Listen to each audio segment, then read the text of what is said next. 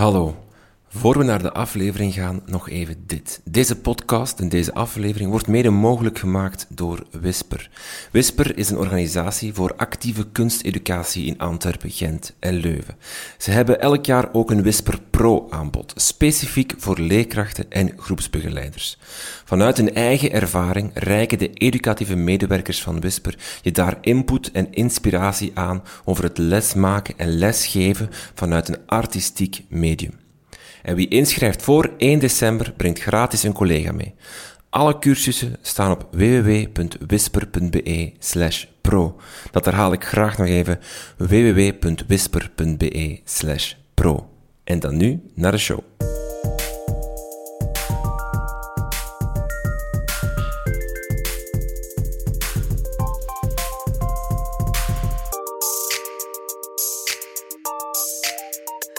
Welkom bij Buiten de Krijtlijnen. Mijn naam is Rinke van Hoek en dit is uw podcast over onderwijs. Weten wij genoeg van ons koloniaal verleden? Dat is de vraag van de dag. Laura Ouassé vindt van niet. Ze schreef in juni een opiniestuk in de morgen waarin onze gebrekkige kennis van ons koloniale verleden aangekaart wordt. Laura is politicoloog en werkte mee aan de bekroonde documentaire reeks Terug naar Rwanda, die te bekijken was op Canvas. Voor haar masterthesis Politieke Wetenschappen deed ze veldwerk in Rwanda rond postgenocide vredesopbouw. Ook liep ze stage bij de VN. Zijn wij zoveel beter dan Amerika? Zijn wij zoveel meer in het reinen met ons verleden? Dat vraagt Laura zich af. Een gesprek over geschiedenis, over impact en onbekende verhalen. Laura Ouassé.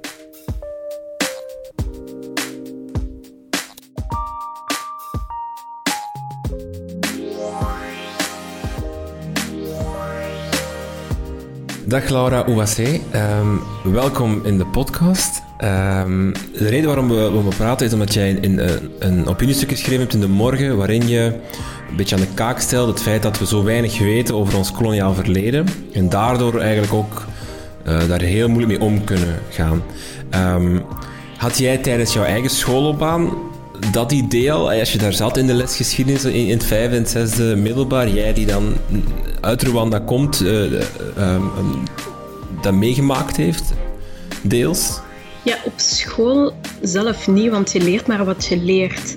Maar dat is dan wel door een aantal uiteenlopende gebeurtenissen is dat besef dan wel gekomen.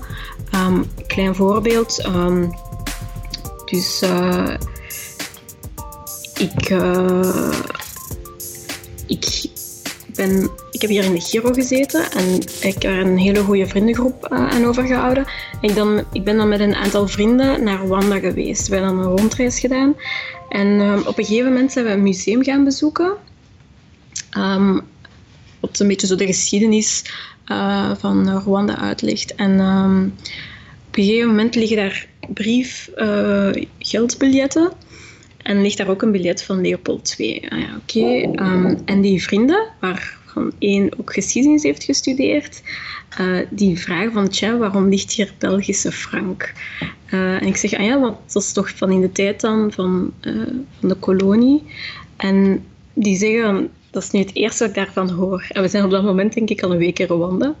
ze hebben heel veel opzoekwerk gedaan, want we willen toch iets weten voordat we naar Rwanda gaan. En dat deel van de geschiedenis, of van toch wel basiskennis hadden ze totaal gemist.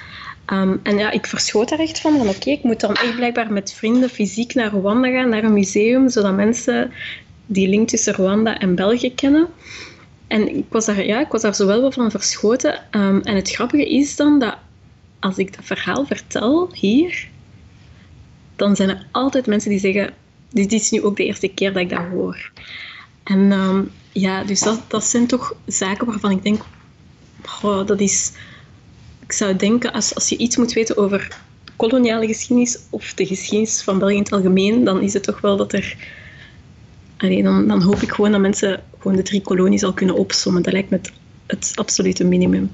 Um, en ook ja, als reactie op het artikel uh, waren dat ook een van de meest voorkomende uh, reacties van, van dankzij dit artikel weet ik nu dat niet enkel Congo, maar ook Burundi en Rwanda voormalige kolonies zijn. Um, en dan hebben we het nog niet over de, eh, wat dat dan betekend heeft concreet in het dagdagelijkse leven van de mensen, maar gewoon het feit dat, ja, dat, dat er drie kolonies zijn. Ehm, maar is dat voor jou altijd duidelijk geweest dat, dat, dat de link tussen uh, België en Rwanda dat dat een koloniale link was? Ja, dat wel. Um, want doordat bijvoorbeeld mijn grootvader dan Moviriji heette en dan um, was dan de vraag van ah, hoe grappig is dat? Omdat wij nu net in België leven. Um, en dan zo wisten we dat dan. Maar ook, ja, er is... België heeft ook een rol gespeeld in, in de genocide. En dat kan ook teruggelinkt worden aan, aan, aan koloniale tijd. Het feit dat ze in Rwanda Frans spreken. Frans, wat dat ook in België wordt gesproken. Um, maar ook, allee, als ik met mijn familie, mijn neven en nichten en zo in Rwanda praat, die, die kunnen de, de, de koningen van België opsommen. Die kunnen, ah, ja, Leuven, Louvain. Dat is, allee, daar is er veel meer ja, bewustzijn over over België dan omgekeerd.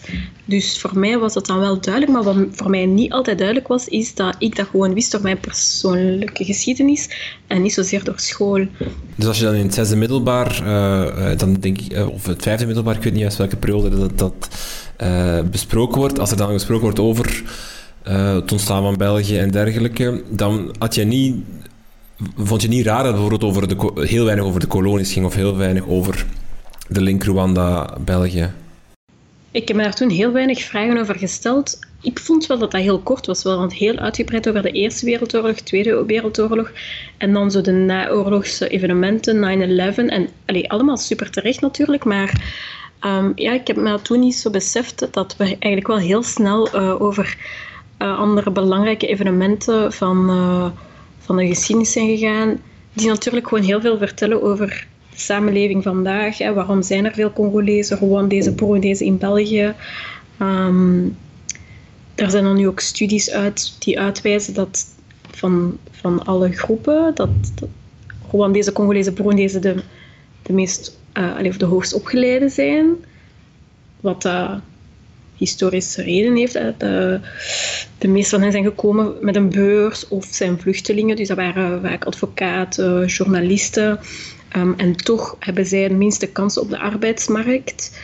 Um, en dan zijn de redenen daarvoor dat mensen Afrikanen nogal, mm, nog altijd associëren met domme mensen, vuile mensen. Um, uh, dat zijn allemaal ja, nog die paternalistische denkbeelden die uit koloniale tijd stammen. Dus voor mij zijn er heel duidelijke linken uh, tussen de maatschappelijke problemen vandaag rond discriminatie en racisme en het koloniaal verleden. Dus het is in die context dat ik dat wel belangrijk vind dat daar meer over wordt onderwezen. Niet omdat dat mij persoonlijk raakt of, of zo, of uh, interesseert, maar omdat dat gewoon heel veel vertelt over de maatschappij vandaag. Wat jij zegt is van...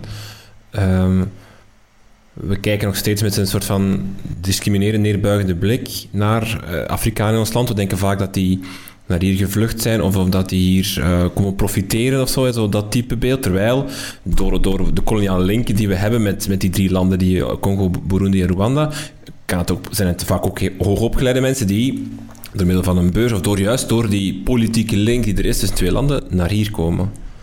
Ja, we percipiëren die verkeerd doordat we de geschiedenis niet kennen. Ja, inderdaad. En ja, en daardoor missen we gewoon, daardoor missen we heel veel uh, kansen als samenleving. En natuurlijk verliezen de individuen daar ook heel veel door. Hè. Dat is heel frustrerend om uh, met een diploma te zitten waar dat je niks mee kan doen, gewoon omdat je de kansen niet krijgt. Maar dat is één ding. Maar ook, ja, um, is een beetje een visuele cirkel natuurlijk ook. Hè, van oh, zoveel mensen die uh, slechte jobs hebben uh, of geen job hebben, ze komen profiteren. Ja, maar ja, ze krijgen de kans niet. Uh, dus als we dat zouden doorprikken, denk ik dat we al een, een hele stap verder zouden staan. Dus ja, het is in die context dat, dat je moet. Um, dat het belangrijk is om, om de geschiedenis te kennen, zeker recente geschiedenis. Het Maar ik stel dat het verhaal van Congo, uh, en Leopold II daarbij, dat dat meer gekend is dan bijvoorbeeld het koloniale verhaal van Rwanda en Burundi. Rwanda met zo in 1994, dat, dat kunnen we misschien ook nog veel mensen wel plaatsen, maar Burundi volgens mij al, al veel minder. Um, kan, je, kan je dat ergens een verklaring voor vinden hoe het komt dat, dat Congo toch bekender is of meer gekend is dan de koloniale link met Rwanda en Burundi? Ja, dat is ook wel natuurlijk dat, dat er een langere geschiedenis is met Congo. Dus Congo is eerst ja, privébezit geweest van Leopold II en dan een kolonie. En uh, Burundi en um, Rwanda zijn enkel maar een kolonie geweest. En dus ook een kortere periode, allee, korter, ja, bijna 50 jaar toch, maar uh, bij Congo was dat geloof ik 85 jaar in, uh, in totaal dat ze onder Belgische bezettingen gezeten, direct of indirect door Leopold II dan. Um, en ook is het zo dat er in Congo heel veel grondstoffen zijn. Um, en dus die plunderingen en zo, dat was dan... Allee, ik denk dat als mensen al iets weten over Congo en de kolonie, dat dat, die beelden zijn. Um, maar ja, ik zou zeggen dat een kolonie zijn op zich dat dat wel reden genoeg is om, uh, om, om ja, gekend te zijn. Um, maar het is dus wel zo dat er een langere geschiedenis is met Congo dan met Burundi en, en Rwanda. Heeft het ook te maken met ja, het simpele uh, aandacht. Ik, ik, denk dat Congo ken ik, of dat verhaal ken ik beter, omdat ik, eh, David van Rijbroek heeft dat, dat boek geschreven, dat, dat zeer geprezen werd, dat ook een soort van enorm naslagwerk is over de geschiedenis van Congo en waar dat België natuurlijk een belangrijke rol in speelt. En, en over Rwanda of Burundi heb je dat minder, of ken ik de werken daarover minder? Is, is dat ook een reden? Goh. Um, ja, maar ook daar zou ik me durven afvragen van wordt er meer over geschreven omdat er al meer over gekend is of, of, of omgekeerd. Um, en uh, inderdaad, als mensen al iets over Rwanda weten, dan gaat het vooral over de genocide, maar dat gaat dan vaak zo net niet ver genoeg om, om, om dan ook uh, heel het verhaal daarachter te, te leren. Uh, of, of al het voorgaande, want natuurlijk, de genocide begint niet zomaar uit het niets. Daar, er is een concrete aanleiding, maar er zijn dan ook vele oorzaken daarvoor. Um, dus ja, ik, ik, ik, weet niet helemaal. Ik kan het, kan het niet. Ook een veel uh, voorkomend of terugkerend argument dat ik dan hoor is: ja, maar dat was niet echt een kolonie, dat was een mandaatgebied. Uh, en effectief, dat is ja, gegeven aan België omdat dat voordien van uh, Duitsland was. En Duitsland had dan de Wereldoorlog verloren. Um, maar het valt mij wel op dat we bijvoorbeeld nooit zo over Cameroen en Frankrijk spreken. En dat was ook een mandaatgebied. Uh, maar dat, dat wordt dan precies ja, als zo'n vals argument gebruikt van goh, laten we dat niet in beschouwing nemen, want dat is echt iets anders. Is er een politiek verschil uh, tussen, of, of een, een, wat is het verschil tussen een mandaatgebied en een, en een kolonie? Ja, dus het feit dat dat zeg maar gegeven is uh, en dat dat dan vooral, dus dat, we, dat waren vooral gebieden van Duitsland uh, en Italië, Turkije geloof ik, die dus de Wereldoorlog hadden verloren, de Eerste Wereldoorlog. En dan um, werden die onder de geallieerden herverdeeld. Um, maar alleen, nu wordt het misschien heel technisch, maar je had dan ook verschillende types. Je had A, B, C-type. Um, en bijvoorbeeld uh, een A-type was een gebied dat dan een lichtere... lichtere, hoe zeg je dat? een voorbeeld is bijvoorbeeld Palestina, waarbij dat ze zeiden van oké, dat is al een vrij ontwikkeld land, dus uh, die greep moet daar niet te streng zijn. En dan had je een B-type, dat waren dan Burundi en, uh, en, en, Rwanda bijvoorbeeld, waar dat er wel echt een administratieve overname was en uh, de taal werd anders, betaalmiddelen. en dan had je nog een, een strengere type. Dat was dan een C-type en dat was bijvoorbeeld Zuid-Afrika, wat ook een mandaatgebied is. Um, en daar was er echt bijna, zeg maar, een, dat werd dan een verlengstuk van, van het koloniaal gebied. Um, dus allee, dat is vrij technisch, maar dus, er is ja, gewoon op een andere manier over onderhandeld wie, welk, wie die landen kon krijgen. Het verschil is dus als één land het echt heeft veroverd en dat bij een, mandaatgebied, dat het wat werd afgesproken, zeg maar, van wie krijgt wat. En dat wordt dan eerlijk verdeeld. Dus na die Eerste Wereldoorlog worden Burundi en Rwanda een kolonie van, van België. En je hebt al gezegd wat dat wat voor impact heeft, namelijk uh, taal veranderd. Uh, zijn er nog dingen? Hoe, hoe, hoe moet ik me dat inbeelden, dat opeens een land een kolonie wordt of een mandaatgebied van België? Ja, dus de taal wat een hele grote invloed heeft. Ook um, de kerk komt zich installeren. Dus uh, ja, mensen hadden wel al uh, uh, een geloofsovertuiging, rituelen en zo. Dat wordt allemaal um, gezien als primitief en onwenselijk. En dan worden de, de gebruiken van de kolonie, uh, van de allee, van, van, van België in dit geval uh, overgenomen. Uh, maar ook ja, administratief en politiek heeft dat een grote invloed. Want uh, ik zei ook in het artikel, dan eigenlijk in Rwanda en Burundi waren er al maar toen waren dat eerder sociale klassen. Dus je had de Hutus, Tutsis, Twa. Um, en iedereen had een maatschappelijke rol. Maar dat wordt dan geïnstrumentaliseerd uit politieke overweging. Um, en concreet, ja, in België uh, werd er, werden dat geen sociale klasses meer, maar was dat een etnie, wat dat dan ook op uw paspoort werd geschreven, wat dan ook een hele grote, hele grote gevolgen heeft gehad tijdens de genocide. Dus dat wordt een andere realiteit, uh, die etnische verschillen, wordt, wordt ingezet politiek. Mm Eigenlijk de, de, de, um, de scheuren tussen die, die, die groepen, die daarvoor eigenlijk misschien minder bestonden, worden eigenlijk politiek verder uitgediept ingezet. en ingezet en, en, tegen elkaar uitgespeeld. En dat resoneert wel een beetje, of dat, blijft, dat kan wel eens de oorzaak zijn hoe dat, waardoor dan later dan uh, die genocide ontstaat, of, of de, de grote burgeroorlog tegen elkaar. Ja, dat heeft een... Allee, dat is ont, allee, dus die groepen bestonden al, maar... Uh, ik nu heel simplistisch voor, hè, maar hè, België komt en ziet van hoe kunnen we hier invloed krijgen op dit land. Oké, we nemen één groep en we geven hen middelen en dat vergroot dan hun macht.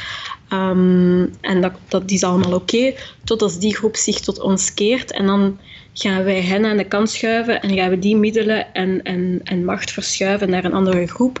Ja, dat, is, dat, dat heeft rechtstreeks gevolgen gehad, inderdaad, tot 94 en zelfs tot vandaag. Um, maar je ziet dat die techniek, dat is niet alleen in Rwanda en Burundi, hè, ook in Congo, maar ook in andere kolonies werd dat toegepast. Maar dus het idee van goh, altijd oorlog in Afrika, ja, dat, dat, dat, heeft, dat zijn rechtstreekse gevolgen van kolonies. Maar, en dat komt ook vandaag heel veel landen goed uit, want daardoor hebben landen vaak ook nog vrije toegang tot bepaalde grondstoffen. En allee, het is inzet van veel geopolitieke spelletjes vandaag nog.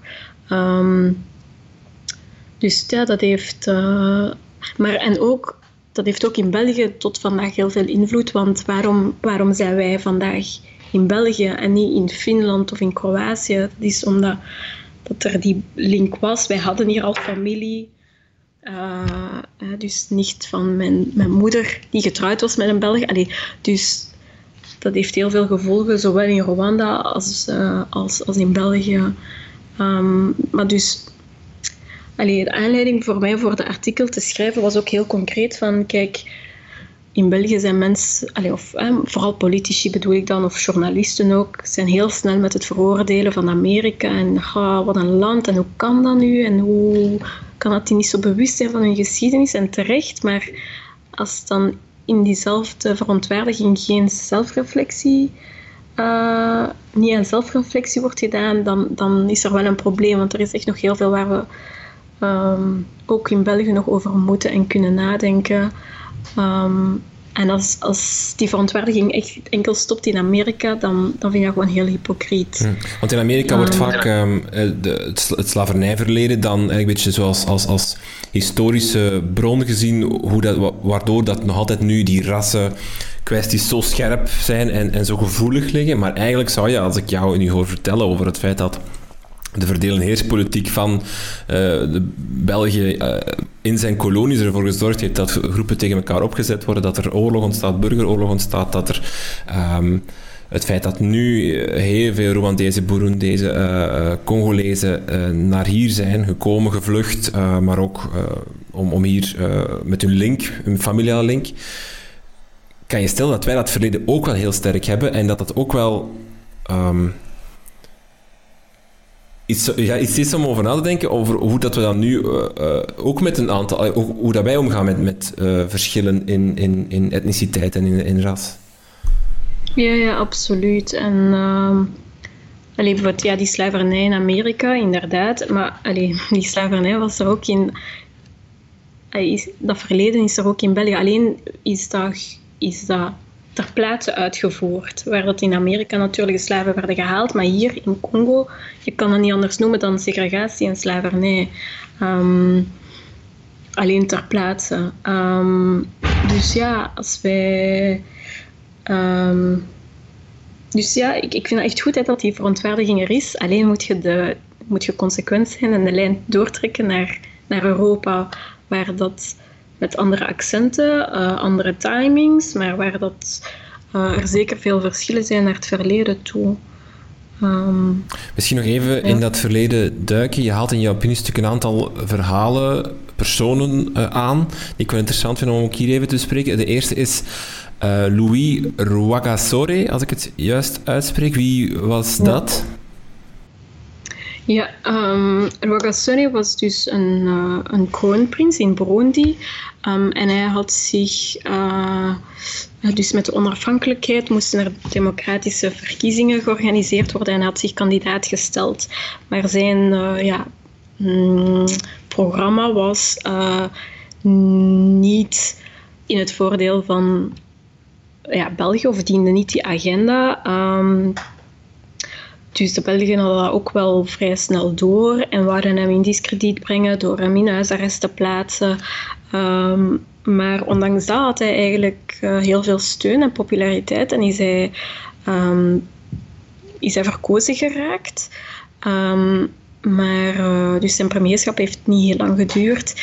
Um, en dan is hij vermoord geweest. En um, ze hebben de moordenaar ook meteen gevat. Dat was een Griekse huurmoordenaar. Um, maar dat was geweten dat hij een huurmoordenaar was. Dus de vraag was dan meteen oké, maar wie zit erachter? Wie heeft de opdracht gegeven? en dan zijn er een aantal theorieën geweest. maar men heeft dan ook wel daar onderzoek naar gedaan.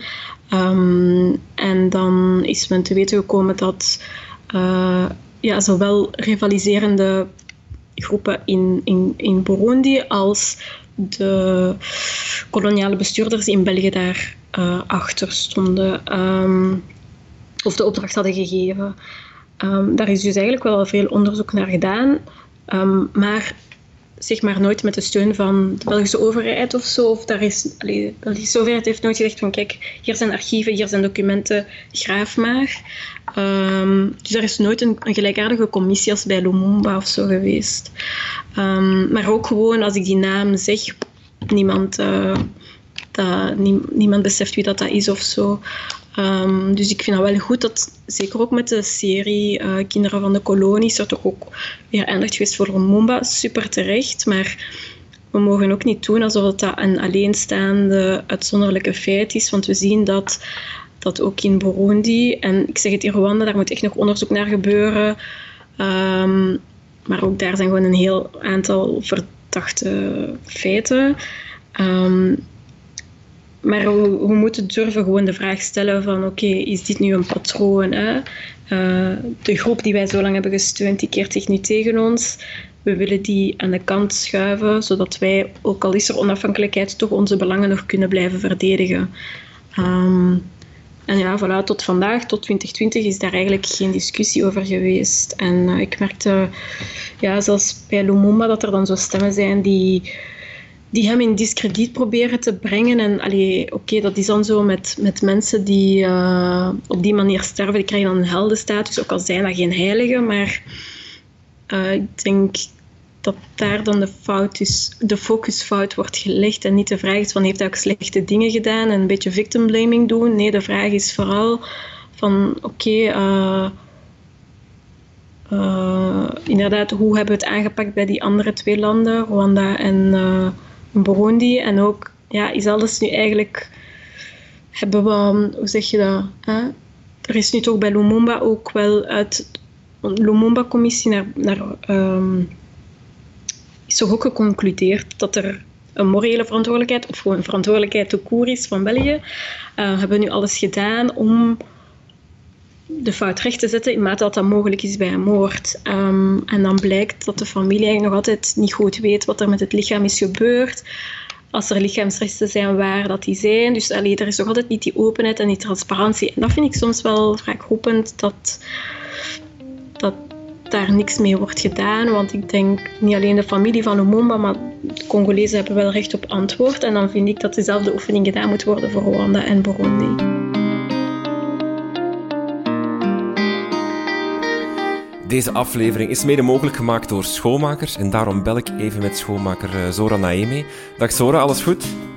Ja, dankjewel om mij op te bellen. Alles is oké momenteel, ja, dankjewel. Uh, ik praat hier met uh, Laura Ouassé over ons koloniaal verleden en uh, de impact daarvan op, ons, ja, op onze maatschappij, maar ook op, op onderwijs. een complex vraagstuk voor scholen, voor leerkrachten. Um, hoe kan schoolmakers daarbij helpen of, of mee over nadenken? Ja, ik denk inderdaad goed dat je benadrukt dat het een complex vraagstuk is. En dat complexe vraagstukken nu eenmaal tijd uh, vragen uh, en ook inderdaad uh, vertraging. hoe doen we dat natuurlijk als schoolmaker? We hebben altijd partners nodig en daar hebben we het ganse schoolteam in nodig, waar wij dan samen gaan kijken naar het complexe vraagstuk. En dat kan inderdaad we werkvormen inzetten vanuit verbindende communicatie, maar ook werkvormen vanuit diep democratie. Uh, die kunnen zeker bijdragen tot uh, het uh, met elkaar in het verschil gaan, maar op een ver, verbindende manier. En waar vinden scholen of leerkrachten alle info als ze met jullie daarmee aan de slag willen? Ja, je kan natuurlijk op de website bij schoolmakers of via mail info.schoolmakers.be. Oké, okay, Zora, heel veel dank en dan gaan wij nu verder met de show.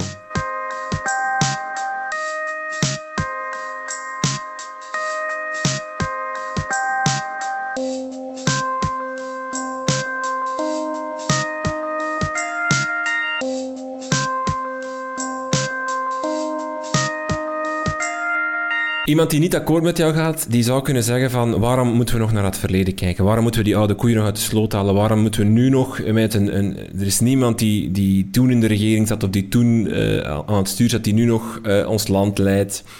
Dat, zijn, dat is allemaal in het verleden. Wat voor nut heeft het nog dat we verantwoordelijkheid of schuld daarvoor opnemen? Is er een maatschappelijk belang of waarom is dat toch zo belangrijk voor ons dan als maatschappij dat we daar toch in gaan graven? Dat we de, dat we de waarheid aan het licht krijgen voor wat er met, met Louis eh, Rawakasore gebeurd is? Ja, wel, ik denk dat het nu eigenlijk zo net lang genoeg is, omdat je haalt het aan de toenmalige bestuurders die zijn er nu niet meer. Dus, en voor mij gaat het ook niet over die persoonlijke verantwoordelijkheden. Dat was een instelling dat erachter stond. Uh, dat systeem is er niet meer, of die instelling als zodanig bestaat niet meer. Dus is het dan misschien nu het moment om daar heel open over te zijn, um, zonder dat je mensen daar die nog leven persoonlijk um, aanwijst. Maar anderzijds is het nog recent genoeg om het aan te halen, want allee, dat is gebeurd. Uh, het is allemaal niet zo geweldig lang geleden. Onze ouders leefden toen. Uh, En het, het vertelt natuurlijk gewoon. Allee, Burundi, Congo, maar misschien alle Afrikaanse landen in het algemeen zijn op dat vlak jonge landen. Hè. Ze hebben nog niet uh, heel lang die, die onafhankelijkheid, zeker niet als je het vergelijkt met de periode dat ze uh, gekoloniseerd zijn geweest. Um, en je kan alleen maar vaststellen dat ze nooit een eerlijke kans hebben gehad om een goed werkende democratie te zijn, omdat diegenen die effectief eerlijk verkozen zijn geweest, die zijn, uh, uh, die zijn aan de kant geschoven geweest. Um, dus in dat opzicht is het wel gewoon belangrijk om te weten wat er fout is gelopen, om dan ook um, uh, lessen voor vandaag te kunnen trekken het is echt iets te gemakkelijk om te zeggen van oh ja, corruptie, oorlog, uh, dat gaat er toch echt nooit goed komen als je daar zelf een aandeel in hebt. En ik, ik heb het echt niet over mensen persoonlijk. Dat interesseert mij veel minder. Het is echt gewoon, weten ja, als instelling landen, en vaak zijn er verschillende landen, is dat heel uh, geopolitiek. Maar wat zit daarachter? Um, en waarom krijgen die landen niet gewoon een eerlijke kans om um, in belang van hun eigen volk te regeren um, en, en, en vooruit te gaan? Heeft het ook, ook, ook niet te maken uh, want daar gaan we straks toe komen, want het gaat over onderwijs. Hè. We willen dat, dat of, of, of het, het, het, het, komt te weinig aan bod in het onderwijs. Maar de vraag is natuurlijk, wat moet aan bod komen als we als, we als land, of als, als politiek, maar eigenlijk misschien gewoon als land, nog bepaalde dingen niet transparant of open durven zeggen. We durven, zoals je daarnet zei, we durven niet openlijk zeggen dat België betrokken was bij, bij Louis Rwagasore zijn, zijn, zijn moord. Of bij Lumumba. Zijn we ook uh, heel lang ontransparant en, en onduidelijk over geweest. Um, over de genocide in 1994 is, is die Klaas ook nooit duidelijk geweest. Zijn ook nog heel veel vragen over. Um, is dat niet ook een belangrijke stap die moet gebeuren? Ik, moet, moet gebeuren? Zodat de geschiedenisleraar ook de feiten kan vertellen in de klas? Ja, voor, voor mij hangt het allemaal samen, inderdaad. Allee, ik weet niet goed wat, wat het kip is en het ei, maar voor mij zijn inderdaad onderwijs, politiek en ook media eigenlijk de drie spelers of de drie, um, de drie uh, platformen, zou ik maar zeggen, waar, um, waar dat er op aangestuurd moet worden. En allee, als, als de politiek transparanter in is, dan kunnen we het daar ook al makkelijker over hebben op school. Maar natuurlijk omgekeerd, als wij op school wat kritischer leren zijn naar, naar de landen in kwestie, maar ook de westerse invloeden, dan, dan kunnen we politici daar ook meer op aanspreken als ze dingen proberen te verdoezelen. Um, en ook de media moet uh, uh, ja, daar, daar daar eerlijker in zijn. Want ik, ja, ik verschiet daar soms van. Ik zeg maar alleen een los voorbeeld met de dood van uh, Mandela. Dan was het, ah, Mandela een held, een held. Ja, zeker. Maar er is wel heel... Allee, dat wordt niet gezegd dat Mandela door het Westen, vooral door het Westen, um, als een terrorist wordt beschouwd. Vooraleer hij in, gevangen, in, in gevangenschap uh, werd geplaatst. Maar allee, we moeten toch echt leren om zo wat die kritische toon te zetten, omdat dat heel veel zegt over vandaag. Um, meer dan inderdaad van moeten we het altijd over de, de geschiedenis hebben. Niet, dat is niet gewoon uh, die oude koeien uit de gracht halen daarvoor. Dat is echt om vandaag te kunnen begrijpen. Um, en ja, ik zeg het zo, de, de Afrika-experten, specialisten bij de morgen, bij de VRT, die hebben daar ook een hele grote verantwoordelijkheid in. Dus onderwijs uh, moet daar zeker niet alleen in staan, maar... Uh, denk wel, ja, als, als die, onze geschiedenisleerkrachten, uh, de, de onderwijsministers uh, daarop wijzen, als ze de eindtermen moeten herschrijven van dat is nu toch echt wel iets waar we op tekort schieten, ja, dan, dan, dan komen we er wel. Uh, maar iedereen moet elkaar een beetje wijzen op die verantwoordelijkheid. En ik denk alleen ja, dat dat misschien ook dan een deel is van de diaspora, als ik mezelf zo kan of deel daarvan kan beschouwen om, om ons daarop te wijzen. Maar alleen mannen, we, we, we, bekijken het allemaal heel uh, eenzijdig en uh, er is echt een blinde vlek dat wij totaal missen in heel deze discussie. Misschien nog een verhaal dat niemand kent en dat ook wel uh, het te kennen waard is. Het verhaal van de technische school, het Eto Don Bosco in, in Kigali. Kan je dat even vertellen? Ja, ja um, dus... Um, Voordat de genocide uitbrak op 7 april in 1994 waren er natuurlijk al heel veel spanningen en uh, er waren blauwhelmen gestuurd om um, um, vredesgesprekken die er toen gevoerd werden, om, om daarop toe te zien dat dat goed verliep. Um, en onder die blauwhelmen waren heel veel Belgen, want Belgen voelden van er is een historische band met Rwanda, we moeten daar toch wel talrijk aanwezig zijn. Oké, en um, die blauwhelmen hadden verschillende basissen in het land, waaronder in Kigali in een technische school, ETO. Um, en um, de genocide breekt uit en uh, veel mensen voelen zich niet veilig thuis. En ze zeggen, oké, we gaan proberen uh, met risico op leven naar die basis te gaan, want er zijn blauwhelmen die gaan ons kunnen beschermen. Uh, en een deel daarvan geraakt daar. Um, en vindt daar bescherming. Um, maar dan worden tien Belgische blauwhelmen vermoord. En um, beslist België, het was ook het jaar van de verkiezingen, zeggen wij kunnen ons niet permitteren, politiek, om meer Belgische slachtoffers te maken. Dus we trekken ons terug. En alleen meer nog, ze gaan in de VN lobbyen om ook andere blauwhelmen te laten terugroepen, om zo minder um, gezichtsverlies te leiden. Als we ook, met, als ook de anderen wegtrekken, dan, dan is het minder wij enkel de Belgen. Oké.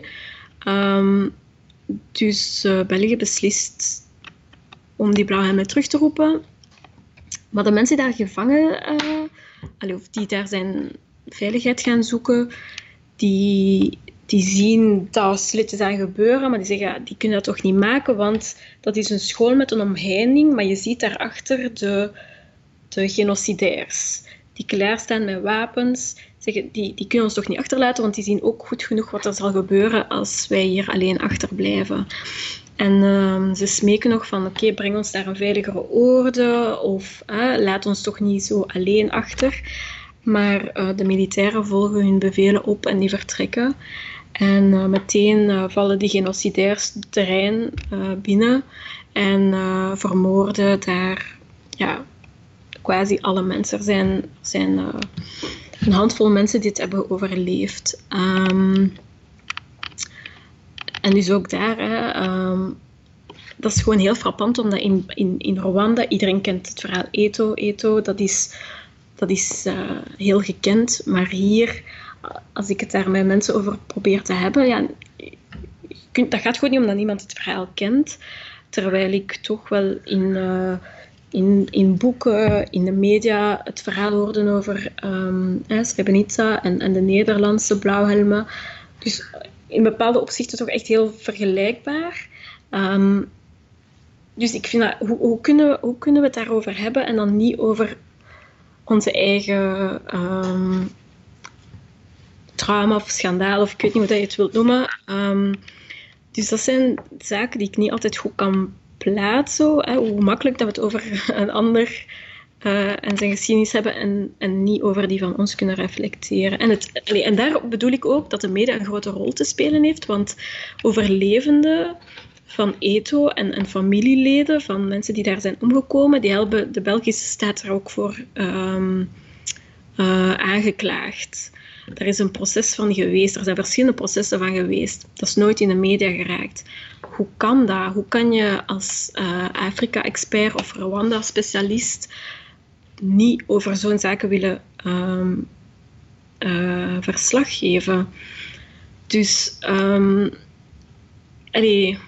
ik vind het heel moeilijk om te geloven dat dat allemaal toevallig is. Dat dat allemaal ja, niet, niet bewust is. En ik snap dat dat moeilijk is om kritisch te zijn over een eigen geschiedenis. Maar ja, je, je kan toch bijna niet anders uh, als het over zo'n uh, over zo'n zaken gaat. Ik bedoel, over Eto is ook letterlijk een film gemaakt, uh, Shooting Dogs. Dus in Hollywood hebben ze het verhaal wel opgepikt. Um, maar ja, in België proberen ze krampachtig um, ja, het daar niet over te hebben. En dat lukt ook tot de Chinezen tussenkwamen, productiehuis. Jullie hebben als een van de eerste eigenlijk um, uh, de twee jeugdvriendinnen die het overleefd hebben, geconfronteerd of, of, of in ontmoeting gebracht met twee Belgische ex-blauwhelmen die daarbij waren. Uh, het is veelzeggend dat ik het woord als eerste moet gebruiken, want we zijn, uh, de reeks is van 2019 of 2018, als ik, als ik juist ben. Um, hoe was het gemakkelijk te regelen, die ontmoeting? Stond, iedereen daar snel voor open, of was dat... Mm, nee, dat was zeker niet gemakkelijk. En um, eigenlijk nog moeilijker bij de militairen dan bij de, mm, dan, uh, dan de overlevenden. Wat dat mij dan wel verrast heeft. Maar um, ja, ik heb dan ook wel ingezien dat, dat voor de soldaten dat dat ook een heel moeilijk verhaal is. Um, veel soldaten, het was heel moeilijk om mensen te vinden die um, die in staat waren emotioneel om daar terug naartoe te gaan en die daar ook toe bereid waren. Uh, want ja, je moet weten, die mensen die hebben oog in oog gestaan met, met de, de, slachtoffers en de mensen die daarna niet hebben overleefd. Maar zo gaat het dan uh, in het leger. Die hebben geen keuze, die moeten uh, bevelen opvolgen. Maar natuurlijk, ja, dat is wel gewoon een heel groot menselijke, grote menselijke gevolgen. Um, maar dat was zeker niet vanzelfsprekend. En ik vind ja, die soldaten eigenlijk um, ja, heel moedig dat die daartoe bereid waren. Om, om dat verhaal ja, te delen en ook hun leed, want die, die hebben daar zelf ook wel enorm van uh, afgezien. Maar ik vond dat wel belangrijk om. Allee, of wij, hè, want dat was met een, uh, een hele sterke ploeg dat we dat hebben gemaakt. Die, die, die, dat is heel belangrijk om het verhaal verteld te krijgen. Uh, wat is er gebeurd in Eto? Hoe is dat kunnen gebeuren? En ook ja, dat menselijk leed van beide kanten, als ik het zo kan zeggen, te tonen. Want um, als ik zeg van hè, dat waren bijna 3000 mensen in Eto, 3000, oké, dat is veel, maar daar zitten verhalen achter, er zitten mensen achter, er zitten letterlijk littekens achter. Want uh, ja, de, die jeugdvriendinnen hebben daar heel veel fysieke, mentale, emotionele littekens aan overgehouden. Maar het is heel belangrijk om dat op die manier te vertellen, omdat het anders al snel wordt van, ah ja, maar in Afrika daar gebeurt zoveel. Ja, kijk, uh, dat is nu zo. Maar dat, dat gaat wel degelijk over mensen. Je, je haalde daar straks al aan, we, we, praten er niet over, we kennen die verhalen niet. Um, kan je een verklaring vinden waarom we dat niet doen? Heeft het te maken met, met complexiteit of met soort van de pijnlijkheid, de, schaamte die het met zich meebrengt? Waarom we er niet over willen praten, niet in de media, niet in het onderwijs, niet in de politiek? Ja, ik, ik, denk dat het dat deels is. Hè. Ook een soort van gezamenlijke allee, trauma, ook langs Belgische kant. Um, en ja, van een, van een menselijk standpunt begrijp ik dat, maar ik denk ook dat het gewoon nu wel tijd is om daarover te stappen, omdat, wat dat jij net zei, van het, het gaat al lang niet meer over wie zei wat en waarom dit en waar, maar dat erkennen dat erkennen. En, en ik denk dat dat voor de slachtoffers heel belangrijk is, um, maar ook voor de samenleving om, om daar vanaf te kunnen stappen. En allee, daarom ook bijvoorbeeld van de koloniale metisse, dat is ook iets wat dat echt ook vandaag gewoon nog, nog leeft, elke dag. Er zijn nog heel veel metissen. Kan je dat even uitleggen, uh, het, begrip metisse? Ja, dus metisse, um, als ik het dan nu heb in deze context over metisse, gaat het over um, kinderen die Rwandese, Burundese, Congolese moeders hadden en Belgische vaders. Um, en die zijn dus ja, verwekt uh, in de koloniale tijd. Um, maar ja, die vormden een, een bedreiging, want in die kolonies heerste uh, er uh, een apartheid, een feitelijke apartheid. Dus men wist niet goed, die koloniale bestuur, wat ze dan met die kinderen moesten doen. Want die zijn half van hen, maar ook half van die primitieve zwarte. Um, dus dat, dat, dat strokte niet met het systeem. Um, en dan voelden ze dat er uh, een onafhankelijkheid, onafhankelijkheid zat aan te komen. Ze wisten echt niet goed wat ze met die kinderen moesten doen.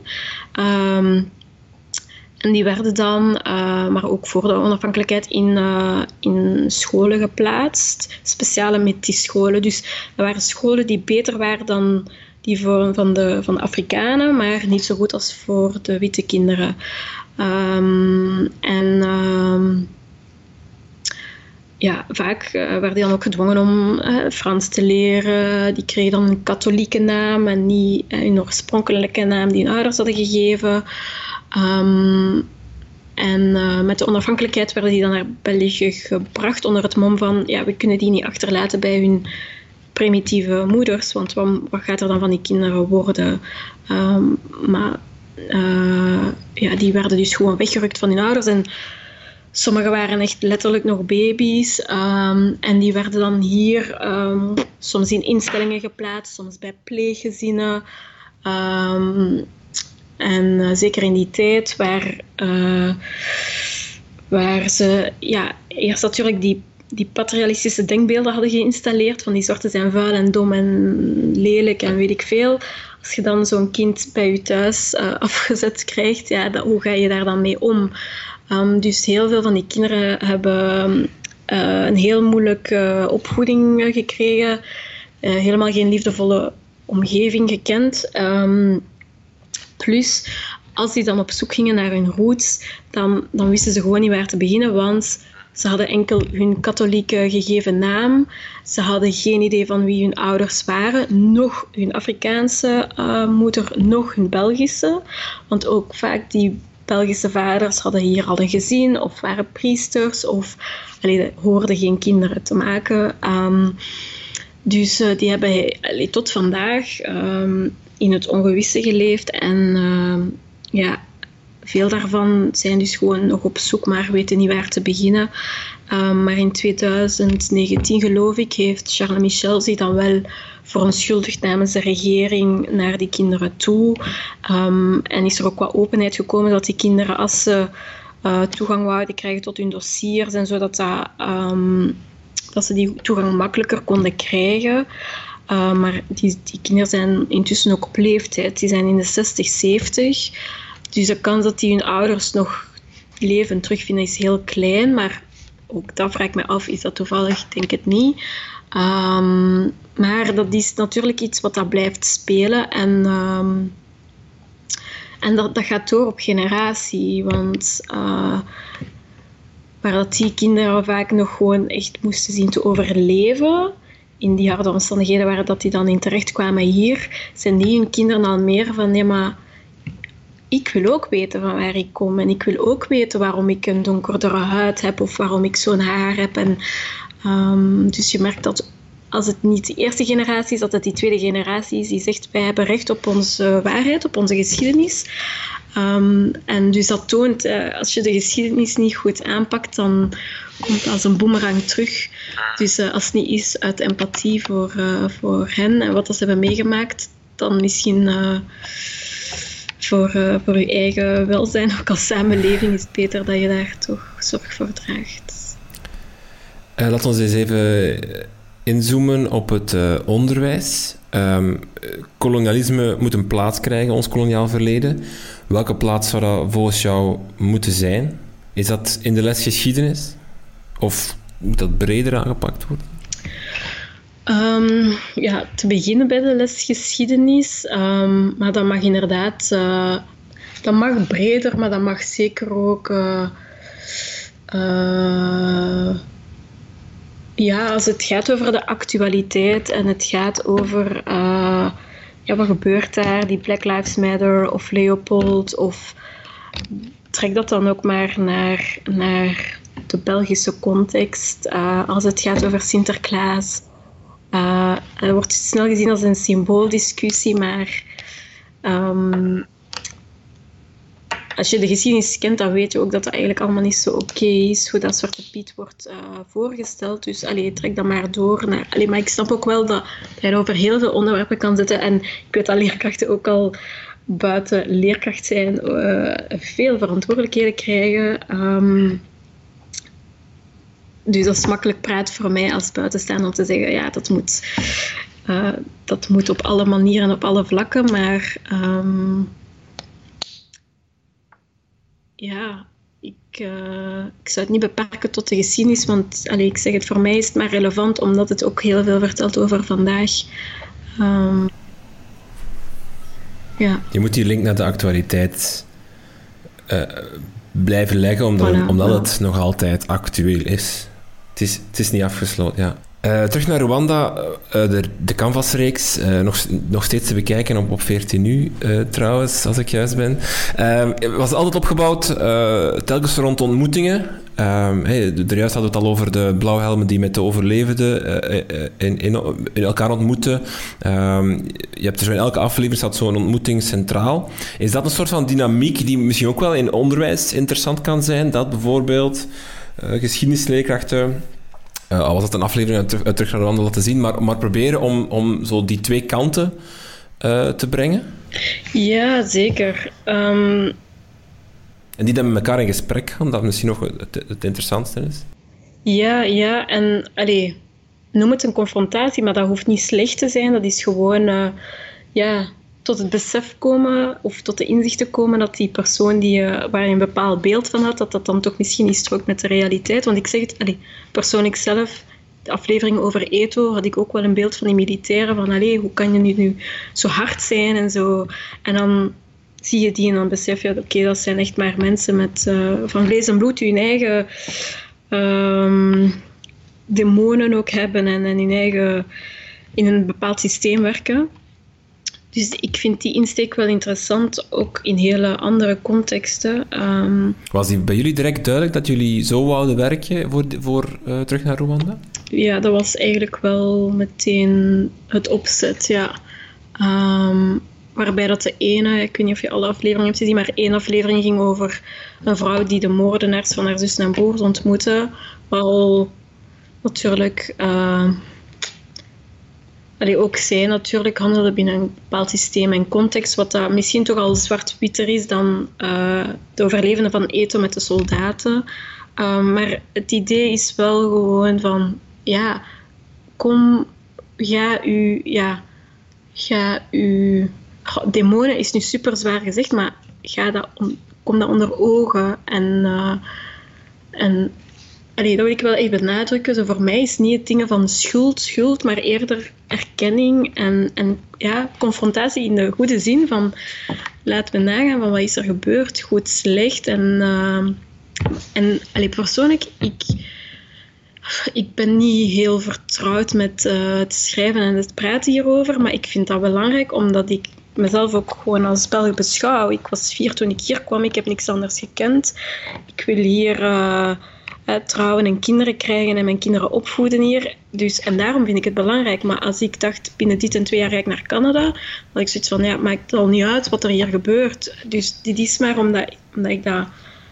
Omdat, ik, omdat België mijn land ook is. Um, en, maar dat ik vind dat we over bepaalde dingen gewoon uh, anders moeten of kunnen nadenken. Um, dus ik vind dat wel een goed concept uh, om ook voor andere thema's te hanteren. Mm, Oké. Okay. Laura Ouasse, heel veel dank uh, voor dit gesprek. Oké, okay, heel erg bedankt.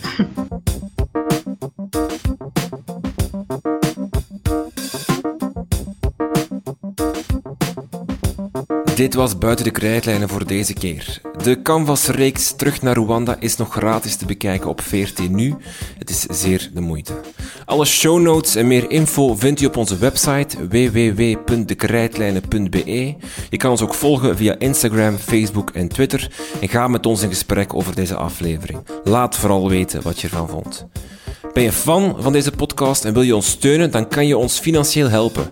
Dat doe je door een bijdrage te geven via www.patreon.com slash de Al voor 1 euro per maand kan je ons helpen. Veel dank. Dankjewel voor het luisteren en tot de volgende.